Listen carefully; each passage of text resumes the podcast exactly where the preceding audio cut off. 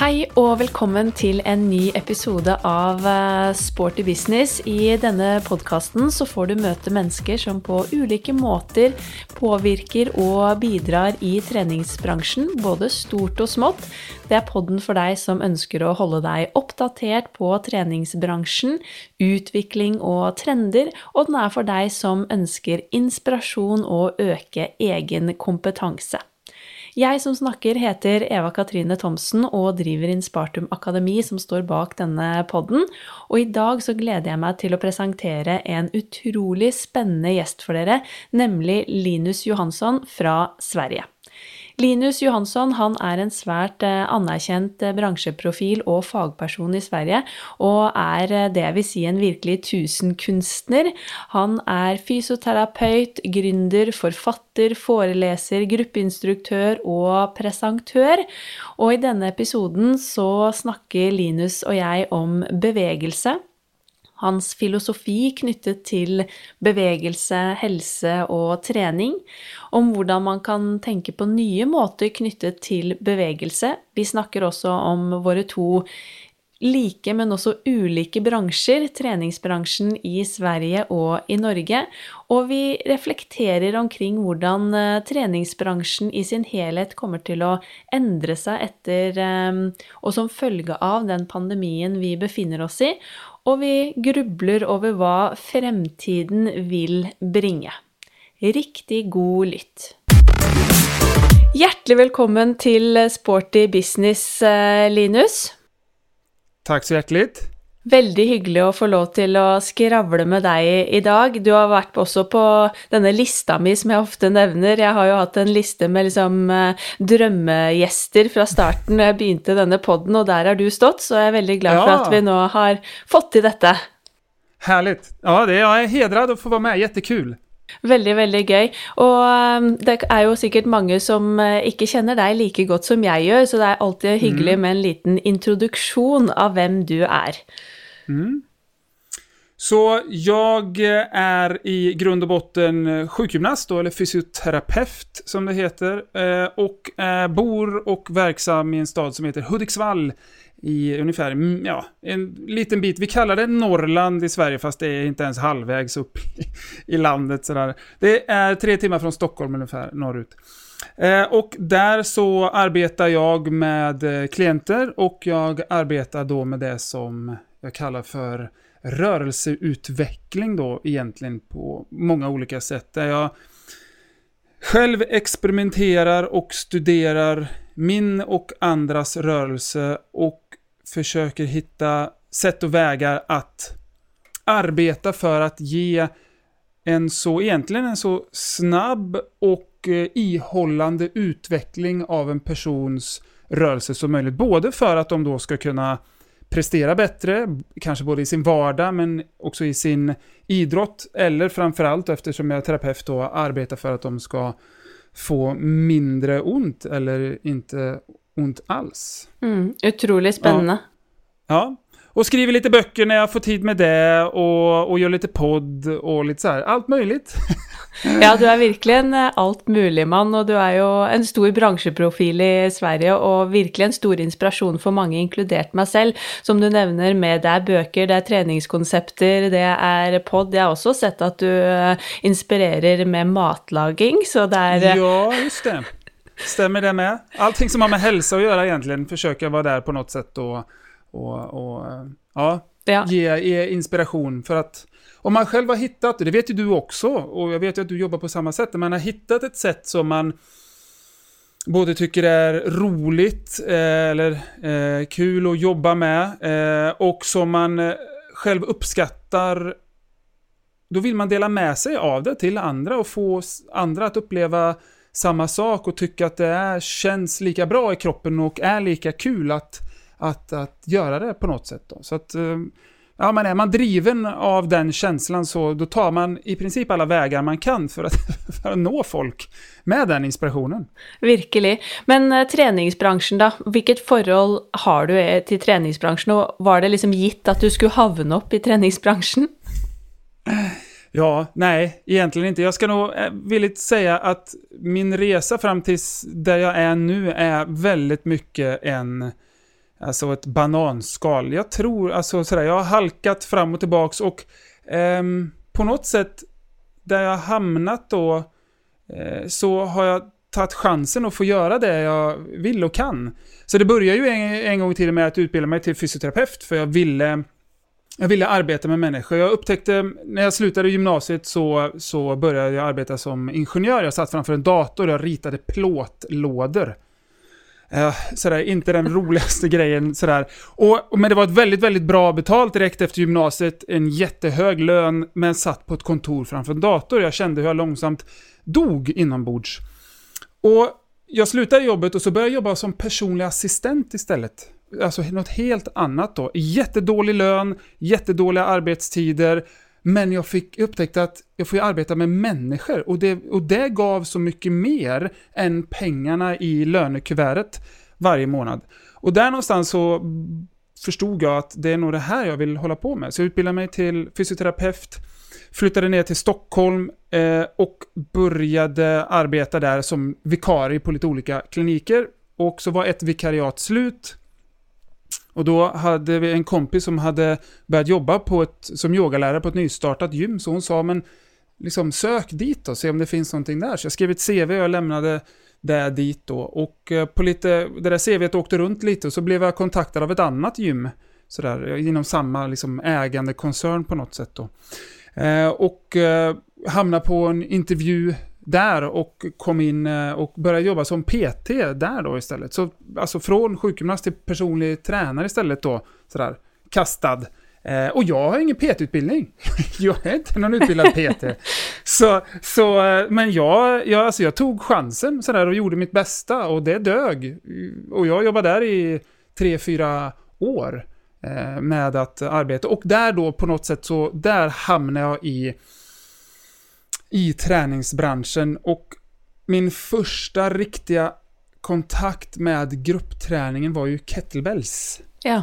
För det var nämligen så här att det här gymmet då, som jag hamnade på, det hette, eller heter, det finns fortfarande, det heter Master Training. Men nu vet jag inte hur mycket norrmännen kan om det svenska kungahuset, men, men det var ju då Daniel Westling som drev det gymmet som är gift med kronprinsessan i vårt land då. Så att det var ett väldigt speciellt gym, det var ett posh eh, gym sådär i allra högsta grad. Och en av Victorias livvakter eh, på Säpo, på Säkerhetspolisen då, hade börjat plocka in kettlebells i Sverige och börjat träna med det. Så han var i princip den första. Han hade varit ute och rest runt i världen och utbildat sig, så han plockade in det.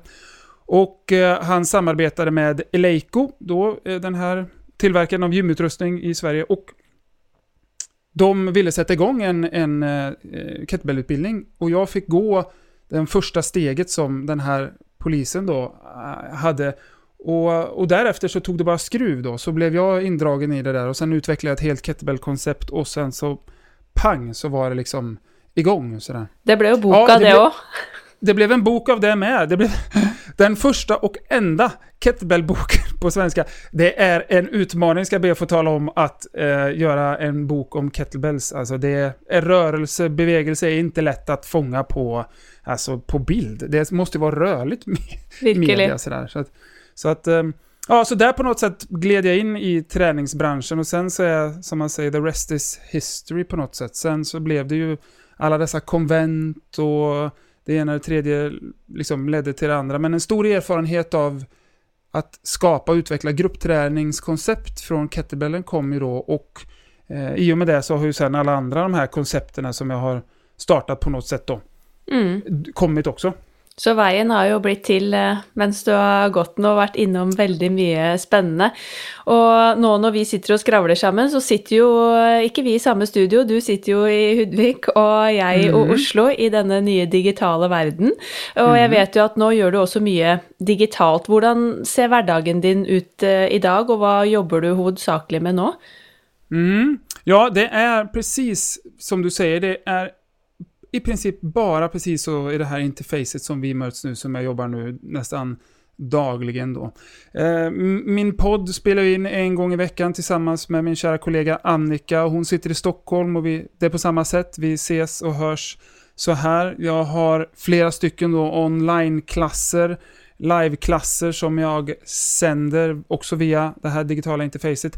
Nu precis på förmiddagen här nu, eller på morgonen innan vi hördes, så jag har spelat in ett helt, en helt ny kurs, en Soma Move-kurs med sex stycken olika, eller sex stycken progressiva sessioner sådär, där man kan ta sin kropp och sin tanke får man nog säga som det är med Soma mycket sådär på en liten resa. Sex eh, olika sessioner, eh, olika timer då. Ja, spännande. Eh, mm. Och sen så eh, håller jag på och arbetar med att jag vill starta ett typ av mentorsprogram eftersom jag arbetar mycket, fortfarande mycket med terapin då, med mina händer, att jag eh, utvecklar fortfarande människors kroppar. Så jag tar emot, Eva-Katrine ser ju här via Zoom in i min studio, så på, på, eh, på, på, på golvet här så tar jag emot. Det är lite spännande, för när jag börjar jobba den här resan har verkligen varit upp och ner och upp och ner också. När man börjar som sjukgymnast då får man lära sig att arbeta på bänk. Sen så gick jag lite fortsättningsutbildningar sådär via Tom Myers skola då, Anatomy Trains. Och eh, sen när jag skulle arbeta så hade jag ingen, liksom ingenstans att vara. Då var jag bara i gymmiljö. Så det enda som fanns då det var en gruppträningssal och yogamatta. Så då började jag behandla på yogamatta. Ja. Eh, och det är helt eh, suveränt. Men sen så startade jag min, eh, liksom startade en egen klinik då, ett eget center. Och då köpte jag in bänkar och så arbetade på dem. Men nu är jag tillbaks här igen och min bänk den är magasinerad för den är så fruktansvärt stor. Så den får, inte, den får inte plats här nere. Så nu är jag tillbaks att behandla på yogamatta igen. Och det är helt suveränt och det är så skönt att få komma tillbaks till det därför att du kan kombinera då eh, personens bevegelse tillsammans med då dina händers rörelse att förändra personens strukturer. Därför att när en person är på en bänk en mental inställning blir i huvudet på den här personen att ja, men nu ska jag ligga här som ett köttstycke och bara bli påbankad och sen kliva av bänken och så ska det vara bra. Men alla har, eller många har en relation till en yogamatta och förstår att det här är ett träningsredskap, ett träningsverktyg. Så när en person blir alltså, presenterad mattan så, så hamnar de i ett annat tillstånd där de blir mycket mer redo och eh, att arbeta i sin egen rörelse. Och det är väldigt, väldigt, väldigt speciellt. Det blir mycket mer speciella arbetsställningar för mig naturligtvis, men man får också helt andra krafter att arbeta med. Och, och det, i den tekniken som jag arbetar med så arbetar man inte med sina muskler. Jag spänner inga muskler när jag arbetar med mina terapeutiska tekniker, utan vad det handlar om, nu försöker jag visa för Eva-Katarina, hitta, man får hitta linjer genom sin kropp. Alltså, och sen så slappnar man bara av i de här linjerna och sen så har man hela gravitationen, sin egen tyngd. Så med din egen kontrollerade kroppstyngd så tar du dig ner i djupet i en kropp med i vävarna. Och då behöver du inte spänna, spänna kroppen och då blir du inte trött och du får själv inte ont någonstans. Och det är ett jättetrevligt sätt att jobba. På mattan så blir det ännu mer betydligt. Så jag, jag har ehm, även klienter då som kommer och besöker min min studio här. Så att eh, ja, ja. dagarna de, de, går fort. Ikke sant. Og akkurat det du nevner der, da, med å behandle på matten, og den måten du beskriver ditt tankesett på, det er jo noe av det som jeg syns er veldig fascinerende og inspirerende med deg, og hvordan du beskriver ja, bevegelse, og hvordan du tenker kanskje uten, utenfor boksen, da, eh, i forhold til veldig mange andre. Og som du nevnte innledningsvis, så er du jo genuint opptatt av bevegelse, eh, rörelse. Ja. Og det er jo nettopp innen det du inspirerer utrolig mange. Eh, har du liksom en egen filosofi innen trening og helse og bevegelse, og hva vil du si at liksom bevegelse betyr for deg i hverdagen? Mm. Ja, tack snälla. Det är roligt att få höra att man inspirerar. Ja, alltså jag har en väldigt, väldigt tydlig filosofi kring kring rörelsen och kroppen. Och jag skrev ju en, en bok här för något år sedan nu, den här eh, Movement Integration som den heter, tillsammans med ett gäng jätteandra duktiga människor som både är mina goda vänner och tillika stor del mina inspirationskällor faktiskt. Och, och där på något sätt då försökte jag ta mig an att formulera svaret på den här lilla lätta frågan, vad är meningen med livet? Ja. Ja, eh, så det finns ett kapitel där som heter The meaning of life and pain. Så jag tänkte jag tar allting det där lätta och så trycker jag in det i ett kapitel och försöker förklara det. Men sammanfattningsvis då så är, när det är nerkokat till att meningen med livet det är att få finna någon att, eh, eh att älska och att få röra sig fritt i kropp och tanke.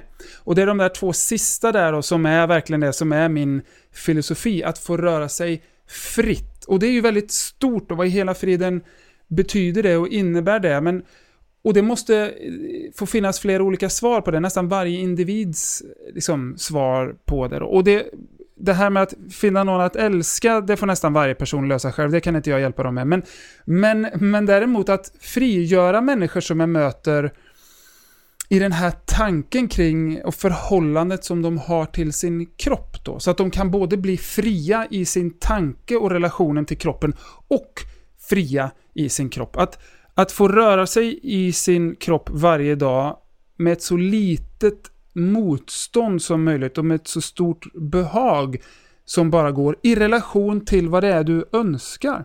Så när jag behandlar mina elitsatsande eh, personer då, idrotts kvinnor och män sådär, så har ju de en idé av vad den här friheten i kroppen är och innebär. Och sen så när jag har mina äldre patienter som, som egentligen vars frihet handlar om någonting helt annat. Eh, men upplevelsen hos de här personerna är exakt likadan, men uttrycket av bevegelsen, av rörelsen är helt annorlunda. Det är, som, det är två helt olika saker, men känslan är och kommer alltid vara densamma hos personerna. Och det, det är det där på något sätt som är min filosofi, att vi, vi finns på den här planeten en så kort liten stund, ditt intresse måste få vara liksom det här du, du vill göra och det du strävar efter.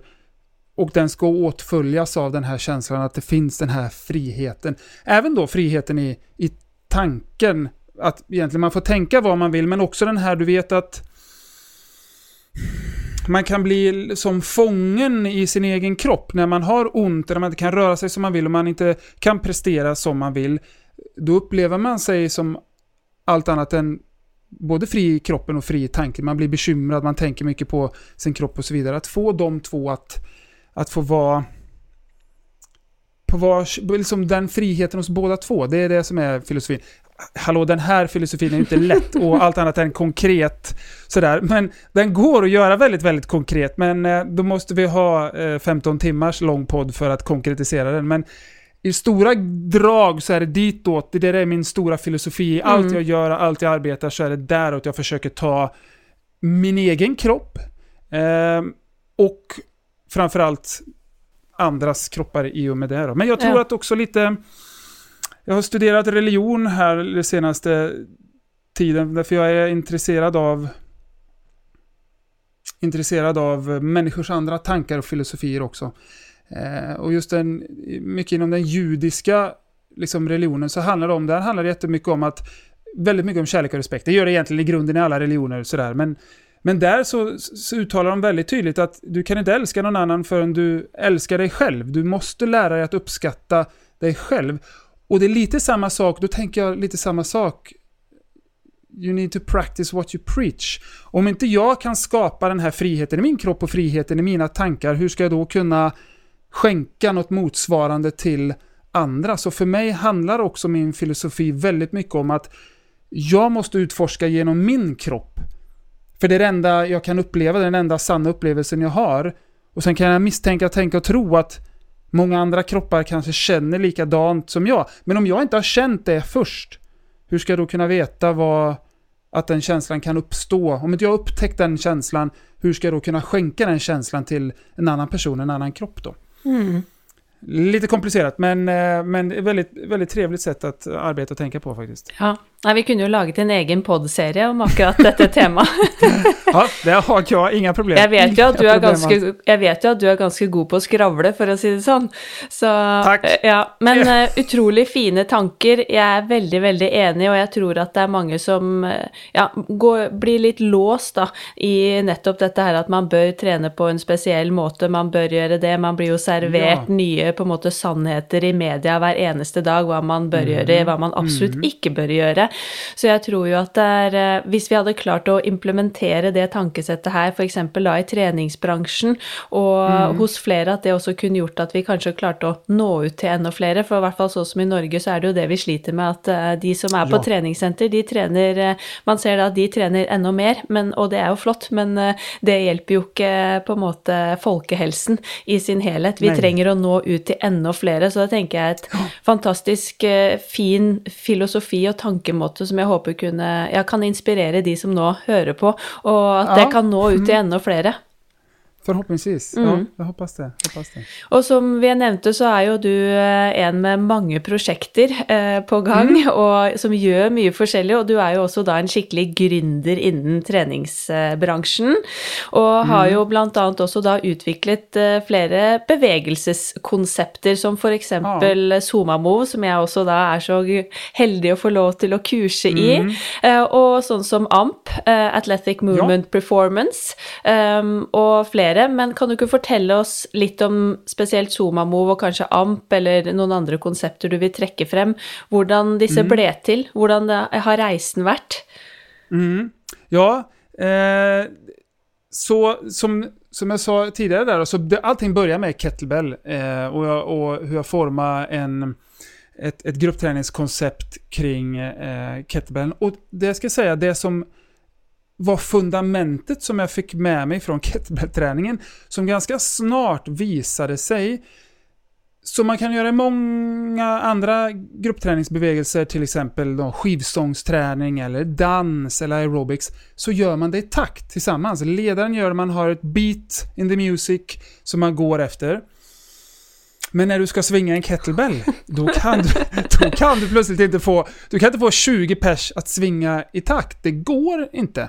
Så den första stora grejen när jag började experimentera med gruppträning var att jag upptäckte att jag, jag arbetar med någonting som, som inte går att arbeta i synk, inte arbeta i takt med. Så att jag började liksom experimentera utifrån ett egentligen då ett, ett perspektiv som man inte gör i gruppträning speciellt mycket. Framförallt inte gjorde då för eh, 10-12 år sedan när jag började med det där.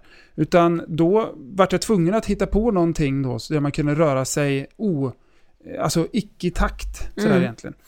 Och den där, det hände någonting med den tanken därför att jag upptäckte att när varje person får arbeta utifrån sin egen möjlighet och sin egen eh, potential, då kan de utvecklas mycket mer än om de är tvungna att följa en takt.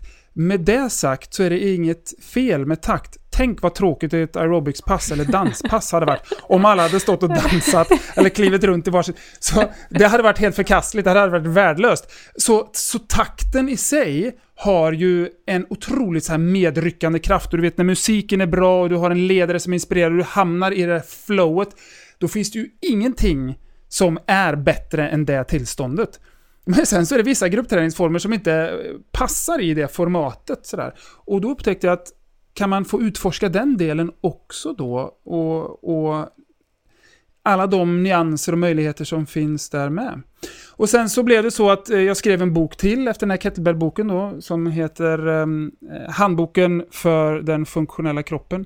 Så jag har alltid gjort så när jag, alltså jag tänker och funderar väldigt mycket och när det är mycket tankar och sånt så börjar jag skriva ner dem. Mm. Sådär. Och det här blev till slut också en bok då. Eh, och där i så är det en principiell bok. Alltså den förklarar i princip bara principerna. Det vill säga den ger inte metoderna och metoden i det här fallet då skulle vara bevegelsen. Till exempel som kettlebellboken. Den innehöll bara lite principer och sen så var resten bara eh, movement. I det här fallet så var det i princip bara principer och jättelite rörelse eller Ja. movements då. Det fanns bara några enkla rörelser. För min tanke var så här att när folk läser den här boken förstår de principen och sen så arbetar de med metoderna som de får utifrån den här principen då. Så blev det inte. utan, utan eh, de som läste boken hörde ganska snart av sig och sa men vad ska jag göra då? Hur gör jag det här? Och då tänkte jag jaha, eh, då får vi väl se. Alltså kettlebell-principen applicerade ganska rakt ner på det här. Men jag kan säga att då i många, många år hade jag då rest runt och utbildat. Och den som har tagit en kettlebell vet att de väger en del. Och väldigt många gym och anläggningar ringde och så sa de så här. Hej, skulle du kunna komma och utbilda eh, kettlebell hos oss? Men du, vi har bara tre kettlebells, skulle du kunna ta med några? så, jag, så jag åkte ju runt i bilar med så här två ton kettlebells i. Alltså jag bar och bar och bar kettlebells, jag höll på att bli tokig på det. Så då kände jag att nästa gång, alltså nu då när jag, jag tänkte så här, jag måste skapa då en metod utifrån den här nya principen som jag skrivit i boken, så men det, får, det kan inte vara redskap den här gången. Det får, jag orkar inte släpa runt en, ett gummiband, en pinne, ingenting. Det måste bara vara kroppen. Och i princip i samma veva så flyttade vi ifrån Stockholm, jag och min fru, till eh, Hudiksvall. Och vi köpte ett litet hus och jag kan fortfarande minnas den dagen. Eh, jag, det är en sommar, jag står på gräsmattan i bara shorts och en t-shirt, barfota. Sådär. Och så tänker jag så här att, ja, nu, det är det här du har att jobba med Johansson. Det här är det du har. Det här är förutsättningen nu. Det är du, det är din kropp, det är marken du är på och det är genom gravitationen. 3, 2, 1, go. Ja. Och så, fick jag, så gav jag mig bara den förutsättningen att skapa någonting därifrån. Ja. Och det första egentligen som kom därifrån var någonting som heter kraft. Mm. Eh, vilket var ett akronym då för kroppsbaserad atletisk funktionell träning. Kan du höra något? Har du hört något mer karigt? Liksom sådär. Det är väldigt sådär. Och det var första, first iteration, då, den första versionen av Soman, sådär, kraft, var extremt fyrkantig. Väldigt manshaftig. Det märktes att det var en, en snubbe, en gubbe som hade gjort det här då. Men jag körde på. Eh, och sen så blev jag medbjuden till en, eh, en träningsresa som instruktör eh, nere i Turkiet. Sådär, med springtime. Och eh, när jag kom dit ner då så var det fler instruktörer där, bland annat en instruktör som heter Cecilia Gustafsson, som jag då kände till lite på håll. Sådär, men vi hade aldrig träffats. Eh, och hon hade en, eh, ett koncept som hon kallar för Organic Bodywork. Det finns fortfarande kvar i viss utsträckning sådär. Och jag gick på den här klassen och upptäckte att wow, den här tjejen eh, har ju liksom precis samma grejer som jag har tänkt, fast de är väldigt mycket mer runda, de är mycket mer dansiga, de är mycket mer feminina. Och hon gick på min klass och höll på att garva arslet av sig därför att hon sådär. Men det fanns någonting där upptäckte vi. Så vi slog oss ner och så, eftersom vi inte bor som tur var, så bor vi inte längre mer än 45 minuter ifrån varandra. Så, så sa vi där att, ska vi se om vi kan slå ihop våra påsar då och vad det kan bli av det här. Och eh, då blev det till slut då Soma Move. Så Cecilia klev in med alla sina kvaliteter kring hur man alltså formar och hur man sätter samman och hur man får det här flödet i. Och det där lärde jag mig ganska fort, eh, tyckte jag själv. och sen så är jag mer av den här administrativa, organiserade som då styrde upp hela liksom allt det där runt omkring. Tekniska också med film och hela balletten sådär. Så att det, det gifte sig väldigt, väldigt, väldigt bra. Och det här är nu, det här är i sin tur snart tio år sedan det här Mm. hände. Så det så, ble man, ordentlig dream team ut av dere. Og jeg vet jo det at eh, Somamove har jo virkelig blitt en kjent merkevare i Sverige, og Mm, veldig mange mm. trener Soma. Hvor mange instruktører eller hvor mange sentre er det Soma er representert på nå? Har du noe anelse? Ja, ja, jag skulle nog tro att vi finns representerade i hela Norden och sen så någon eh, i England har vi också, och i Ja. Skottland faktiskt. Så där så är vi ungefär, det är ungefär, jag skulle tippa att det är en 260 center det finns på. Mm. Så att eh, det, det har blivit några nu och det är faktiskt, eh, ja, alltså, det, man får nypa sig lite i armen emellanåt för att alltså, tro överhuvudtaget att det, att det kan vara sant. Och det är lite häftigt när det blir så, när man arbetar för någonting Ja, nei, det er utrolig gøy. Og så fikk jo Silje Torstensen og jeg gleden av å ta med dette konseptet til Norge og begynne å kurse, så her sprer det seg Ja. jo gradvis her òg, og masse gode Mhm. tilbakemeldinger. Jeg syns jo Zuma er helt fantastisk, og dere har jo også utviklet flere ulike grener av eh, Zuma Move etter hvert, med både Zuma Mind, som er veldig Ja. rolig, Zuma Slow, som er på en måte en litt mer mellomting, og bare Mhm. stående bevegelser. Så eh, det er jo et fantastisk gjennomarbeidet eh, konsept. Og i Sverige så pleier jo dere å forklare det at Zuma må være et holistisk, eh, eller en holistisk treningsform. Ja. Eh, her hjemme eh, i Norge så opplever jeg at ordet holistisk, det er faktisk ikke så mye brukt eh, i treningsverdenen. Så jeg føler Ah, ofte at ah, hvis ah. jeg kommer og sier at dette er holistisk, så lurer folk veldig på hva det er jeg egentlig snakker om. Og det kan virke litt sånn abstrakt, så kanskje vi ofte Ja. sier at dette er mer en helhetlig treningsform, man bruker litt andre ord og uttrykk, men hva tenker du, altså, for dere i Sverige bruker jo dette begrepet ganske mye.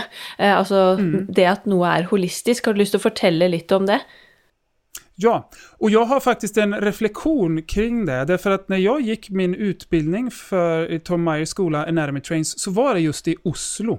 Ja. Och det finns en väldigt speciell, alltså jag upptäckte där då att det finns en jättetydlig skillnad i Norge och Sverige på två helt olika plan när det kommer just till träning och när det kommer till terapi. Och, och det är lite häftigt därför att ni ligger före Sverige i ett av de här avseendena väldigt, väldigt mycket.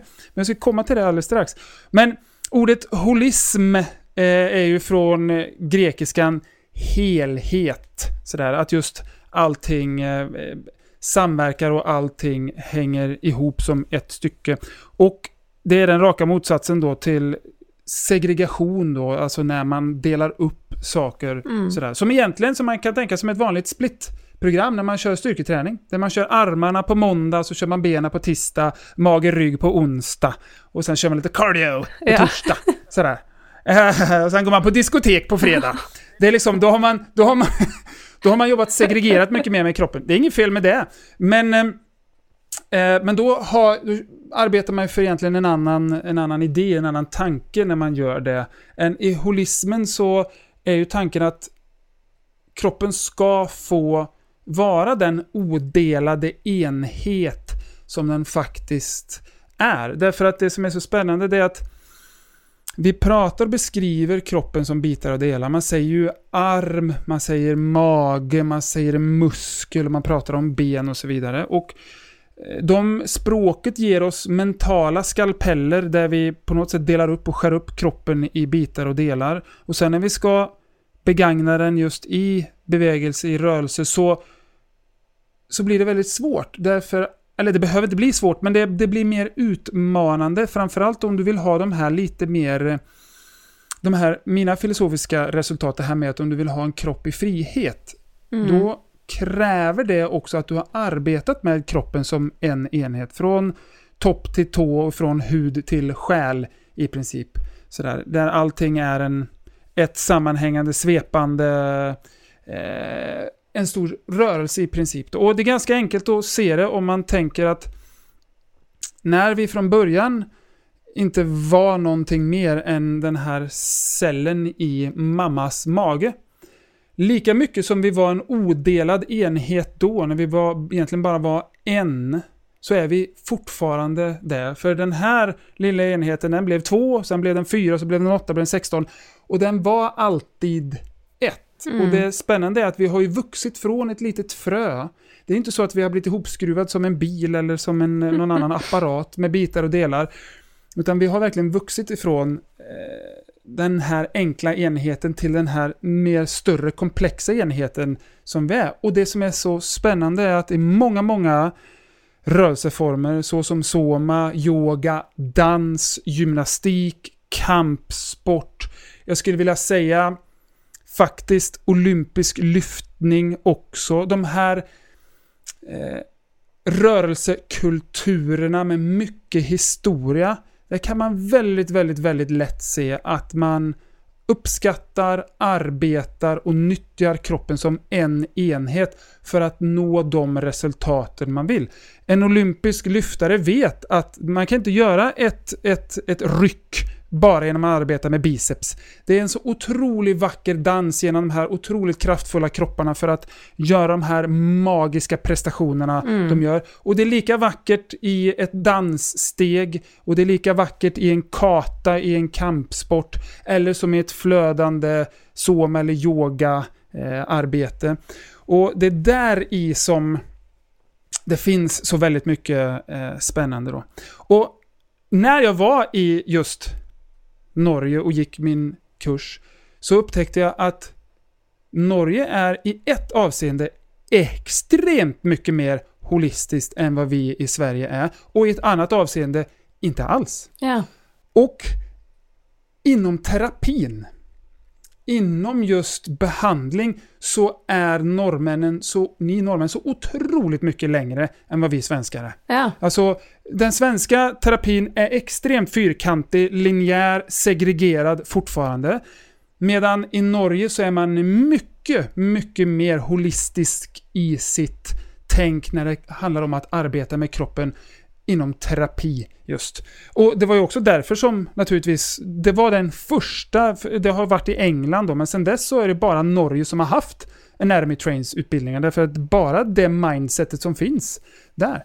Men sen, när det kommer till träning och, och bevegelse, då är Sverige lite längre i det Mm. avseendet. Så det är väldigt tydligt att det finns Mm, Ni har kommit och gått så mycket längre inom terapin och det är därför det är så häftigt också att, Eh, att den möjligheten fanns för mig då för Ja, det snart virkelig. fem år sedan. Ja, det er kjempespennende, Medan- fordi jeg også opplever jo, eller gjennom mange år i treningsbransjen, har jo vært på mye event og kurs i Sverige. Jeg har også vært på en del sånn utdanningsreiser med annet da jeg jobber jo i studentidretten, som det, det het tidligere, eh, i Oslo, og har da vært på utdanningsreiser hvor da studentidretten i Sverige har vært, eh, hvor vi har vært sammen, og man har hatt da workshops for hverandre, eksempel. Og min opplevelse er jo nettopp det du sier, at eh, i Sverige så syns jeg alltid treningsbransjen har ligget liksom et godt stykke foran Norge, og også dette med når på en måte dette prinsippet og tanken om funksjonell trening kom, eh, den fikk jeg egentlig fra Sverige og fra en del av disse instruktørene jeg var med på kurs og workshops med også på disse utdanningsreisene, før det ble eh, mer vanlig og implementert i den norske treningsbransjen og tankegangen omkring trening. Så det er jo veldig spennende å høre, eh, når du da ser på en måte fra den terapeutiske siden, at der ligger vi lenger foran, mens eh, når det gjelder treningsbransjen, så syns jo jeg at eh, vi i Norge har en del å strekke oss etter, eh, Ja. etter Sverige.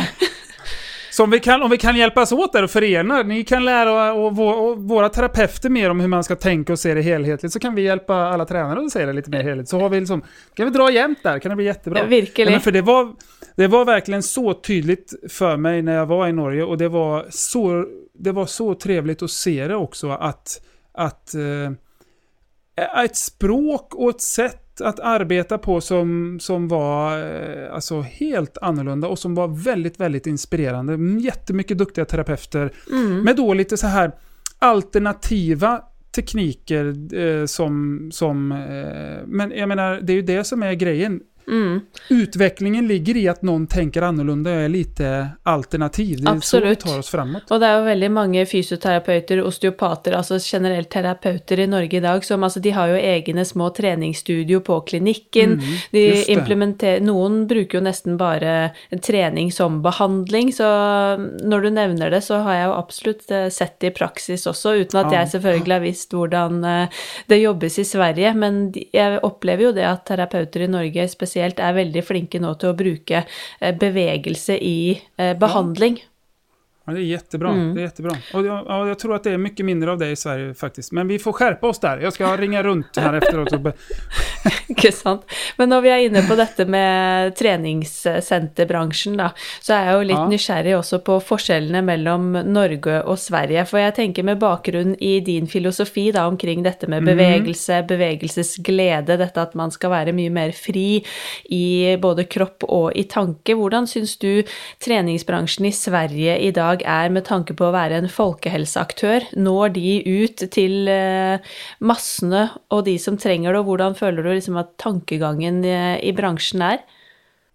Mm. Ja, det är en väldigt, väldigt bra fråga. Så, så det finns, alltså den svenska träningsbranschen är och det har jag fått höra också ifrån, jag har mycket kontakt i England, eh, mycket människor där som jag känner som, och de tittar på Sverige och ser och reflekterar över också att vi är väldigt eh, i framkant. Mycket utveckling kring träning, alltså mycket som skapas, mycket som tas fram eh, mm. på det sättet då. Och det är kanske både på, på lite på, på gott och ont, därför att jag tror att mm, när det blir för mycket nytt, då tilltalar det egentligen bara de som redan är igång och tränar. De som redan har förstått, de som redan kan, de som redan vill. Den magiska biten kommer alltid behöva vara att fånga den stora massan, att få de som inte rör på sig mm. att röra på sig. Det är ju den ständigt stora utmaningen.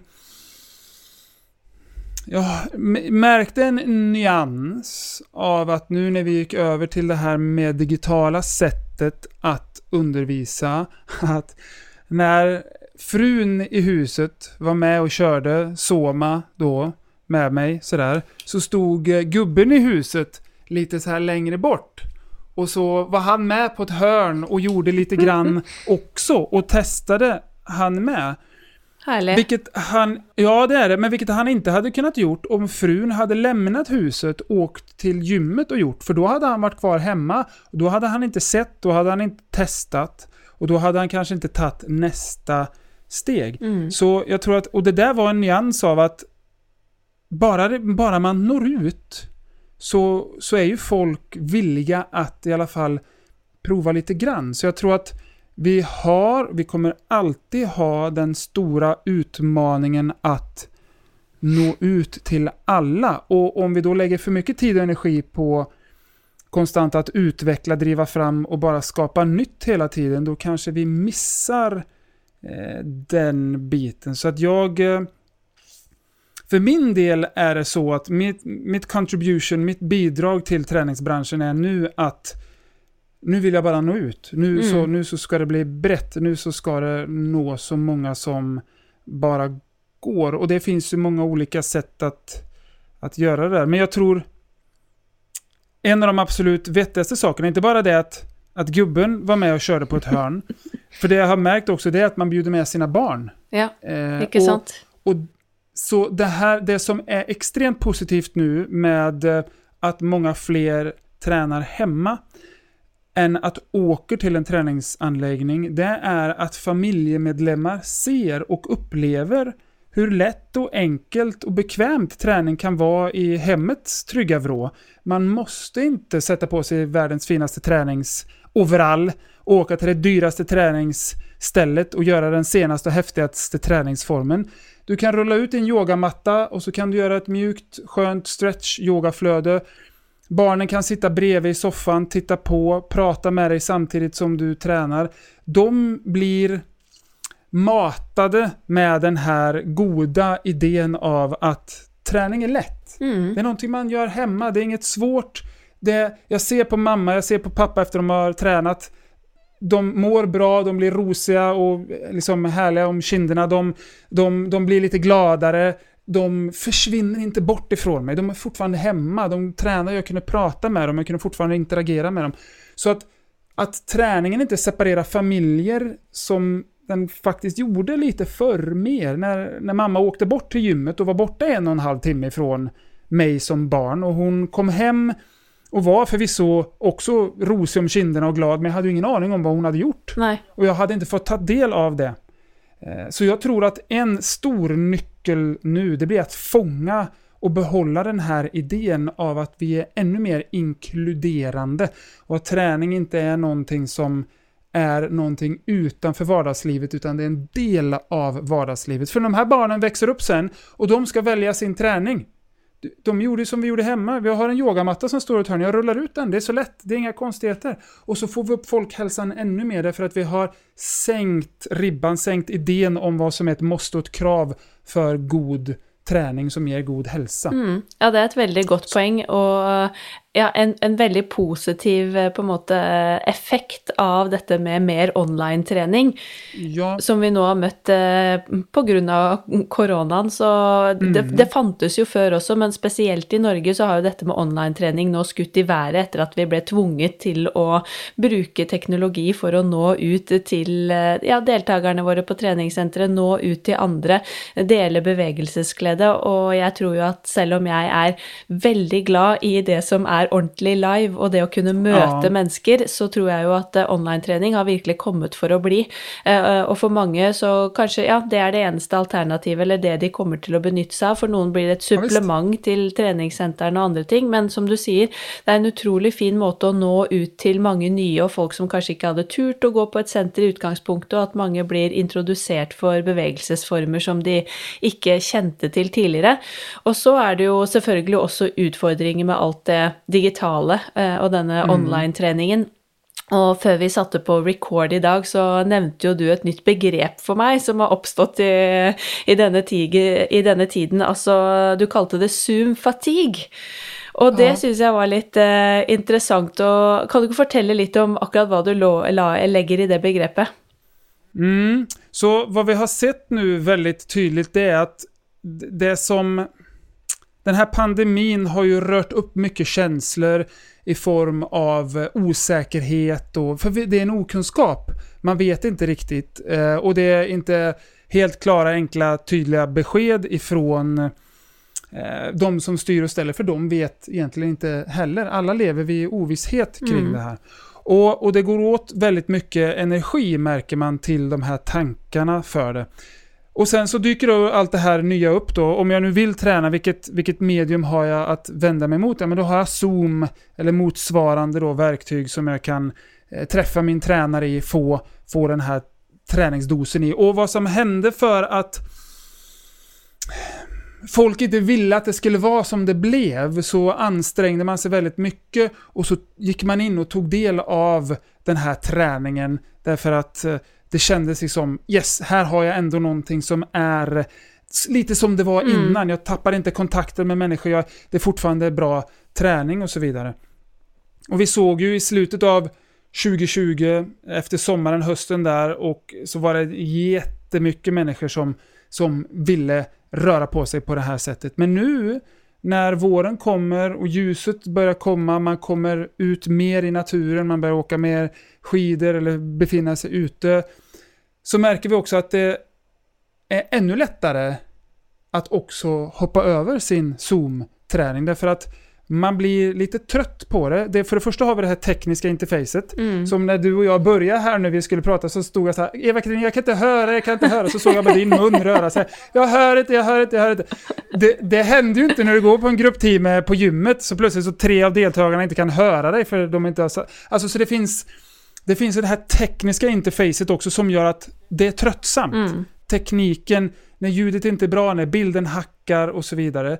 Så det har uppstått ett uttryck då som kallas för zoom fatigue. Alltså det tar plötsligt för mycket energi än vad det ger. Mm. Sådär. Och därför väljer man då att, att avstå och sen hitta en ny källa, någonting som ger mig den energin jag behöver.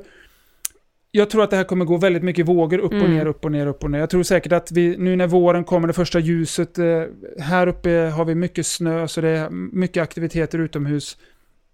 Men det har varit snö i hela Sverige, så folk har varit ute i pulkabackar och åkt skidor. Så att, så att jag, och då har man varit ute och åkt skidor, då är man trött i kroppen som det är, så orkar man kanske inte med ett tufft sommarpass sådär på kvällen. Så, men jag tror säkert att det kommer gå böljor. För vi ser i vanliga träningsbranschen så ser vi hur det går upp och ner, upp och ner, upp och ner. Och Ja. jag tror nu när det, med, med digitala så kommer den de kurvorna bli ännu tydligare och kanske egentligen få ett helt annan, en helt annan frekvens. De kanske blir tätare och så sådär. Och jag tror även det handlar om, det här, allting är så nytt, det har precis gått ett år. Alltså, innan det, från, det, från det första fallet. Jag menar det, det kommer stabilisera sig och lugna sig och, och sådär. Men ja, det är ett roligt uttryck i alla fall att man, man tröttnar, alla trött, till slut tröttnar man även på.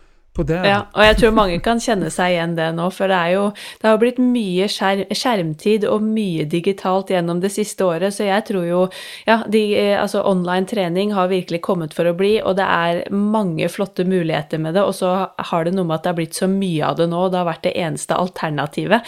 Så til ja. slutt Og da, i tillegg så sitter folk på hjemmekontor, og det er møter på Zoom, mm. det er undervisning på Zoom, Zoom for de som jobber med det, så det blir jo mye skjermtid som gjør at jeg tror det er mange som kjenner kjenner på det nå og virkelig gleder seg til at vi kan møtes live, for det er jo eh, magisk. Men jeg tenker ah, ja. sånn litt avslutningsvis, når vi snakker mm, om da mm. treningsbransjen mm. som en helhet, både litt sånn Norge og Sverige, så er jo dette det store spørsmålet som vi har så vidt vært innom, så er det jo dette at vi ønsker jo selvfølgelig å nå ut til enda flere, eh, og det er den ah. koden vi ønsker å knekke alle sammen. Men har du noen tanker eller ønsker for treningsbransjen om hva vi bør bli bedre på å utvikle utvikle oss innen de neste årene? Mm. Ja, det är en väldigt bra fråga. Jag tänker att det är den här... Att, att, att lyckas hitta den här kombinationen av att ständigt vara nyfiken och våga utforska. Att hitta hitta eh, nya vägar, nya alternativ, vara spetsig. Men samtidigt då också hitta den här lugnet eh, och bredden i det så att, som, som vi sa, så man kan fånga upp alla. Det måste få finnas någonting för alla. Så jag tror att och det börjar vi nog se mycket mer. Det kom ju extremt mycket. I Sverige gjorde det nu innan pandemin. Så gick ju seniorträningen fullständigt i taket. Alltså folk, ja. det, de äldre, de tränade som aldrig förr. Därför att gymmen upptäckte att här sitter ju en hel del av populationen bara hemma och ingenting gör. Alltså det finns de, och de, och de seniorerna kan träna på de tider då vanliga inte-tränare. Så att alla som, alla som är i gymbranschen vet att klockan två mm. på dagen efter lunch är det dött på gymmet. Det är inte en människa på gymmet klockan två. Om man jämför med morgon, lunch och sen någonstans runt sex på kvällen. Då har vi de här tre pikarna.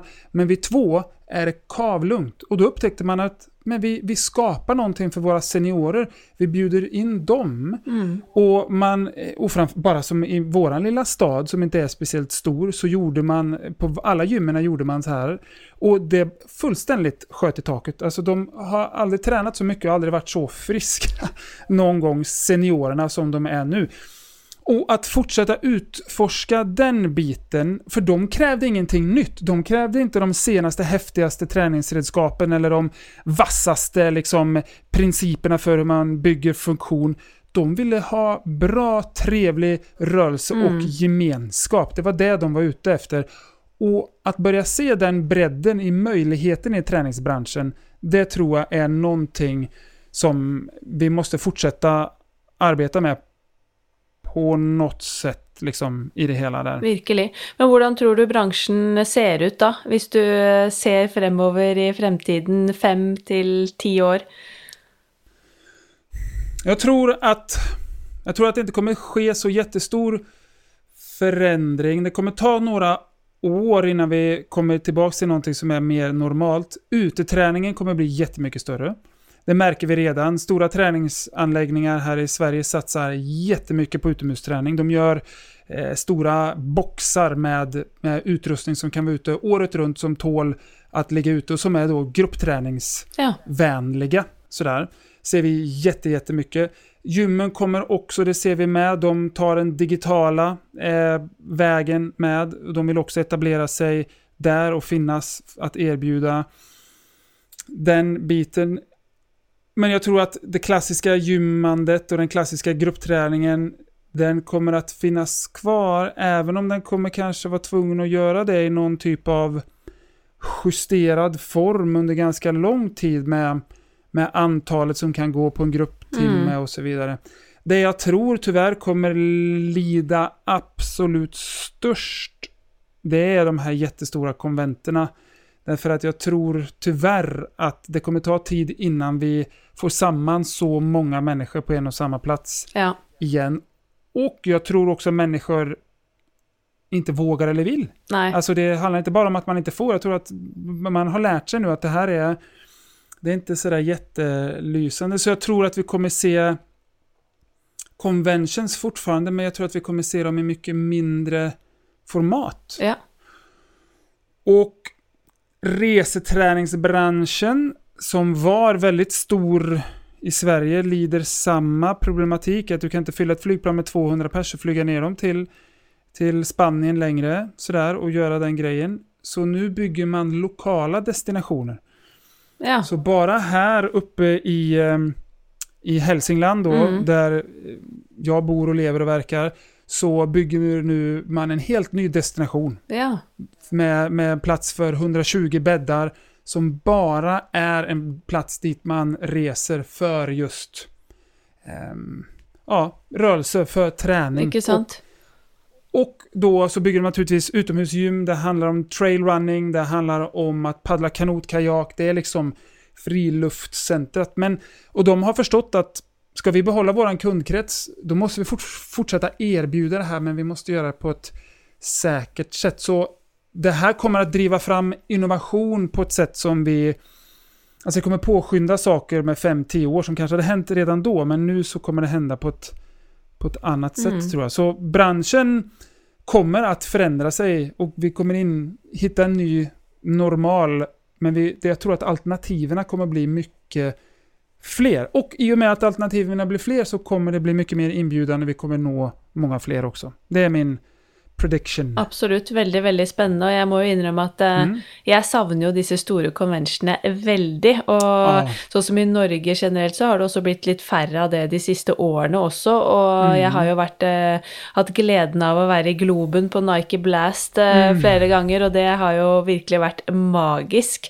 Så jeg må jo innrømme at eh, det er litt sånn trist å tenke på den tanken hvis Ja. vi aldri kommer tilbake dit. Nej. Men samtidig så er det jo også utrolig hyggelig med mye mer litt sånn intime eh, conventioner, Mm. mindre arrangement, for da får man jo også mye mer kontakt med deltakerne. Man Ja. kommer mye nærmere. Det blir jo mer personlig og hyggelig.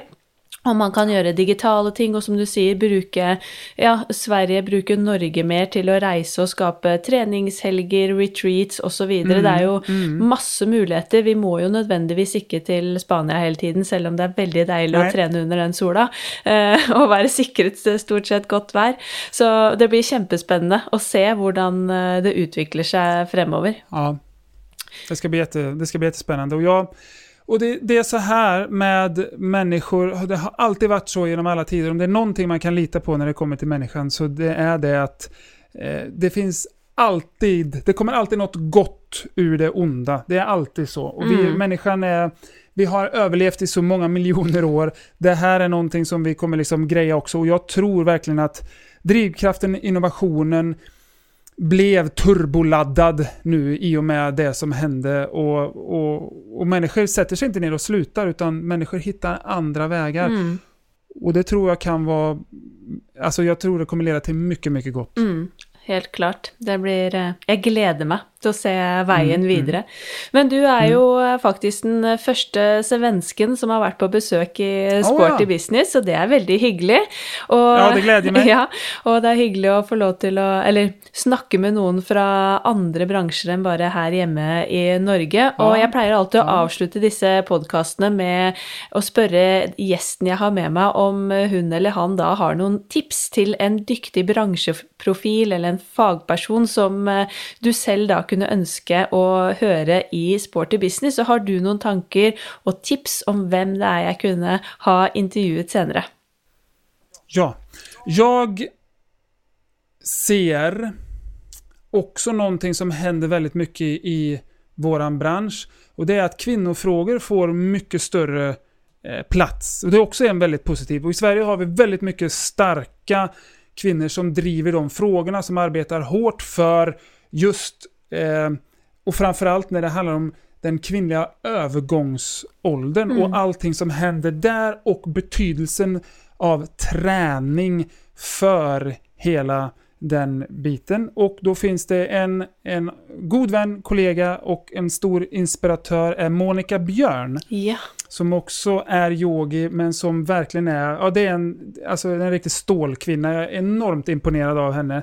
Eh, så jag skulle, jag skulle tipsa varmt om att du tar henne. Därför att hon är pionjär bland många kring att just driva de här frågorna. Och nu vet jag inte hur den frågan stor, hur stor den är i Norge, men jag tror att om det är som det Mm. är så, så, så kan det behövas liksom i alla led få lyftas och diskuteras just kvinnohälsa därför att det, det har en väldigt stor betydelse. Virkelig. Det har, altså Kvinnehelse har kommet på agendaen på en måte de siste Mm. senere årene her i Norge også, så blir stadig mer og mer fokus på det. Men, og jeg opplever at det har vært mye fokus på dette med trening under og etter graviditet, f.eks. Ja. En del andre utfordringer som kvinner kanskje har. Eh, Dette med overgangsalder og bruk av trening, aktivitet knyttet til det. Jeg vet at jeg har sett liksom Ja. litt artikler på det, og noen som har løftet det frem, men uten at jeg skal eh, eh, si det helt sikkert, så tror jeg ikke det er like mye løftet frem som mye annet. Og jeg kjenner jo til Monica Bjørn, jeg også vet jo at hun eh, virkelig har løftet frem det temaet i Sverige den Ja. siste tiden, så det er superinteressant. Så hon, är, och hon, hon behöver, eller behöver, behöver hon inte, man vill ge henne så mycket spotlight, så mycket utrymme som möjligt. För hon bär fram så mycket viktiga frågor och tankar och hälsosamma idéer som också banar väg för så mycket eh, ny frihet och hälsa och då framförallt för kvinnor. Mm. Sådär. Så, att, eh, så jag skulle tipsa om Monica Björn. Mm. Veldig, veldig godt tips. Det har vært en, eh, som alltid, inspirerende samtale med deg, Linus, og jeg gleder Takk meg snälla. veldig nå til å ja, til at lytterne våre får ta del i denne samtalen og gleder meg til eh, tilbakemeldinger og tror at dette med ja, den filosofien du har omkring eh, bevegelse, tror jeg kan inspirere mange, og jeg håper og tror at enda flere instruktører, PT-er, andre som hører på denne podden, har lyst til å begynne å implementere det i både da sin jobb med å levere og inspirere til bevegelse, men også i sin egen hverdag. Utforske det å ikke være kanskje veldig låst i tankemønstre og sannheter som man eh, har eh, ja, kanskje vært litt, gått litt fast i. Så Nej, ja, tusen hjertelig, hjertelig takk for en utrolig inspirerende prat. Tack snälla för att jag fick vara med. Tusen hjertelig takk for at du lyttet til nok en episode av eh, Sporty business. Jeg håper at du er inspirert som alltid. Det er iallfall jeg eh, etter denne praten med Linus. Nå har jeg virkelig lyst til å bare bevege meg så mye som mulig, være kreativ med egen kropp og bevegelse, og ikke minst blir enda mer inspirert til å dele det med alle dere som eh, følger meg.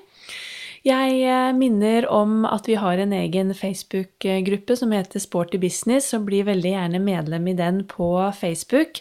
Målet mitt er selvfølgelig at vi også der kan kommunisere med hverandre, så har du spørsmål eller spørsmål til andre i bransjen f.eks., så kan du stille det spørsmålet der. Eller hvis du har tanker, ønsker og tips til podden, så legg det også gjerne inn eh, i den eh, Facebook-gruppen. Følg oss også gjerne på Instagram at sportybusinesspodkast, og abonner også veldig gjerne på podkasten vår. Det er, blir vi veldig takknemlige for. Jeg håper at vi høres igjen om to uker, og at du allerede gleder deg til en eh, ny pod. Ønsker deg en fantastisk sporty, sprek, sprudlende og deilig uke videre med masse bevegelse. Vi poddes. Denne podkasten produseres av Inspartum Akademi og North Stories.